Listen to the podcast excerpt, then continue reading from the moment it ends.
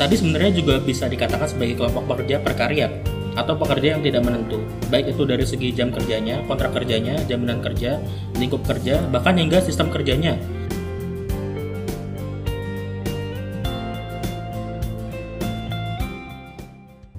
Halo teman-teman pendengar setia podcast, aku Leo. Kali ini kita akan membahas tentang pekerja kreatif.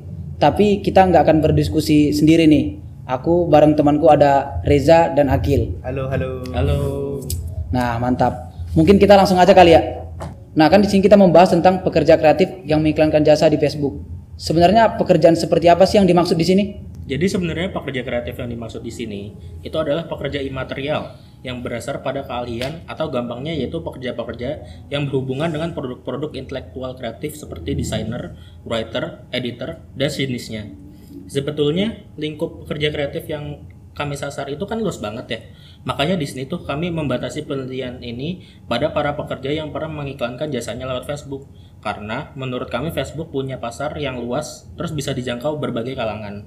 Nah, para pekerja ini tadi sebenarnya juga bisa dikatakan sebagai kelompok pekerja prakarya atau pekerja yang tidak menentu, baik itu dari segi jam kerjanya, kontrak kerjanya, jaminan kerja, lingkup kerja, bahkan hingga sistem kerjanya.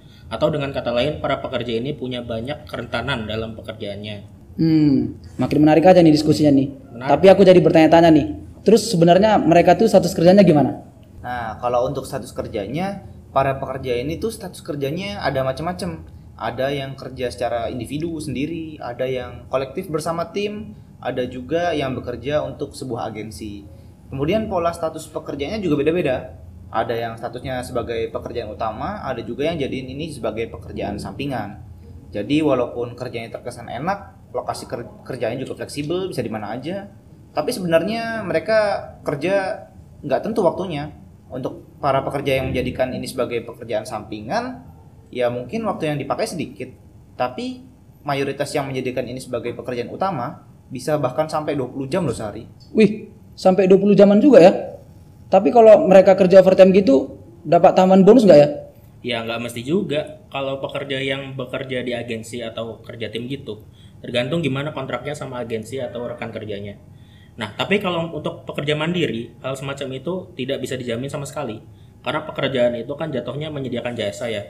Jadi ya upah yang didapat pastinya sesuai sama jasa yang dikerjakan. Jadi ya pinter-pinter gimana pekerja mengambil orderan dan membagi waktunya.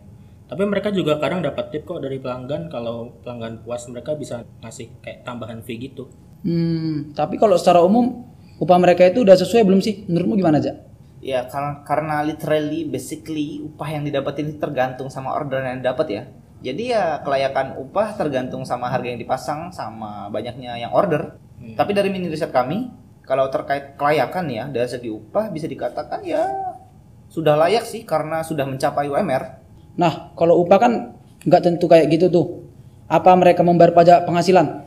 Nah mereka bilang nggak bayar pajak sih karena mereka ya kerjanya secara mandiri itu tadi. Kalau pekerja mandiri, berarti mereka tidak mendapatkan tunjangan dan fasilitas dong. Iya, memang gitu. Memang berbeda sama yang kerja kerja di agensi. Kalau yang bekerja sendiri, dia tidak dapat tunjangan atau fasilitas apa pun. Tapi kalau dia kerja bareng temen juga nggak pernah ngasih tunjangan. Paling ya itu tadi. Kalau ada tip dari pelanggan dibagi-bagi gitu. Jadi serba tergantung ya. Jangan-jangan pekerjaan ini nggak ada jamin kerja, jaminan kerjanya lagi. Ya enggak lah. Mereka kan pekerja lepas ya. Jadi ya enggak ada yang menjamin pekerjaan mereka kecuali kalau mereka mendaftarkan secara mandiri. Waduh, sangat disayangkan sekali ya. Mungkin supaya lebih jelas bisa dijelaskan nih tentang sistem kerja para pekerja kreatif ini. Oke, kalau sistem kerjanya sebetulnya juga bermacam-macam, tapi secara garis besar sebetulnya sama, yaitu terkait promosi jasa, pelayanan pemesanan, kemudian pengerjaan pesan, dan juga terkait urusan pembayaran. Nah, biasanya para pekerja ini mengurusi semuanya secara mandiri, atau kadang jika terlalu banyak orderan, mereka mempekerjakan rekan dengan sistem kerja upah untuk membantu. Adapun kalau pekerja kreatif yang bekerja di suatu agensi, biasanya mereka juga mengurusi hal seputar itu, tapi mereka namanya itu menjadi remote designer. Oke, nah kan kalian buat batasan nih pekerja yang menawarkan jasanya lewat Facebook. Sebetulnya apa sih dampak dari penggunaan Facebook ini terhadap pekerjaan mereka? Facebook itu istilahnya sebagai perubahan sistem para pekerja kreatif dalam cara berpromosi ya. Jadi ya mereka merubah cara marketing. Kenapa Facebook? Ya karena Facebook itu bisa dijangkau semua orang dari berbagai kalangan gitu. Jadi kalau gitu kan bisa menjangkau pasar yang lebih luas dan yang mesen juga jadi lebih banyak. Oh gitu ya. Kalau untuk tantangannya sendiri menurutmu gimana Za? Kalau tantangan nih, Le, sebenarnya tergantung dari masing-masing sikon sih, situasi kondisi yang dihadapi oleh setiap pekerja. Karena memang beda-beda. Ada yang persaingan harga dan pekerja lain, ada juga yang persaingan pasar, ada juga yang persaingan branding jasa, ada juga yang merasa upah atas jasanya itu tidak sebanding dengan jam kerja dan tenaga yang sudah dia keluarkan. Bahkan ada juga yang sampai kena penipuan. Ya memang sih kalau pekerjaan digital memang rawan ya dengan penipuan. Kedengarannya pekerjaan ini begitu rentan sekali ya. Lantas sebetulnya apa sih alasan para pekerja ini bekerja di bidang pekerja kreatif? Nah, lagi-lagi jawabannya adalah macam-macam.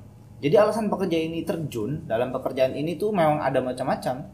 Ada yang karena hobi, ada yang cari penghasilan tambahan, ada yang awalnya coba-coba terus habis itu untung, terus lagi gitu. Ada juga yang memang karena desakan ekonomi. Nah, tapi sebetulnya dari berbagai macam alasan ini ada sebuah benang merah yaitu kepemilikan keahlian.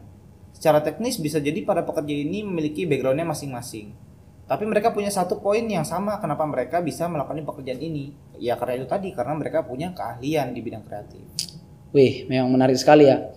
Mungkin terakhir nih sebagai penutup, bagaimana sih peluang yang ada dalam pekerjaan ini dan bagaimana harapan para pekerjanya ke depan?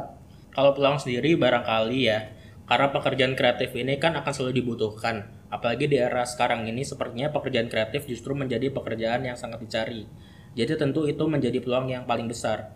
Lalu kalau harapan dari pekerja kreatif ini tentu mereka berharap supaya usahanya ke depan semakin maju, pasar semakin luas, dan para klien terus mencari jasa mereka. Selain itu juga diharapkan supaya adanya standarisasi gitu terkait harga di bidang jasa kreatif ini. Siap, paten. Wah, seru sekali ya diskusi tentang pekerja kreatif ini. Iya dong. Nah, dari diskusi kali ini aku bisa menarik dua kesimpulan nih. Yang pertama bahwa pekerja kreatif ini turut mengikuti perkembangan zaman dengan mengalami digitalisasi marketing yang salah satunya yaitu melalui Facebook. Ya, Kemudian yang kedua yaitu bahwa perubahan yang terjadi tersebut hanya sebatas perubahan sistem kerja, tapi tidak berpengaruh kepada kondisi dan jaminan para pekerja. Mereka masih diliputi dengan berbagai kerentanan-kerentanan kerja. Yap. Ya. Saya rasa cukup sekian. Terima kasih Reza, Akil, Sama-sama. dan teman-teman yang sudah mendengarkan dan nantikan podcast kami berikutnya.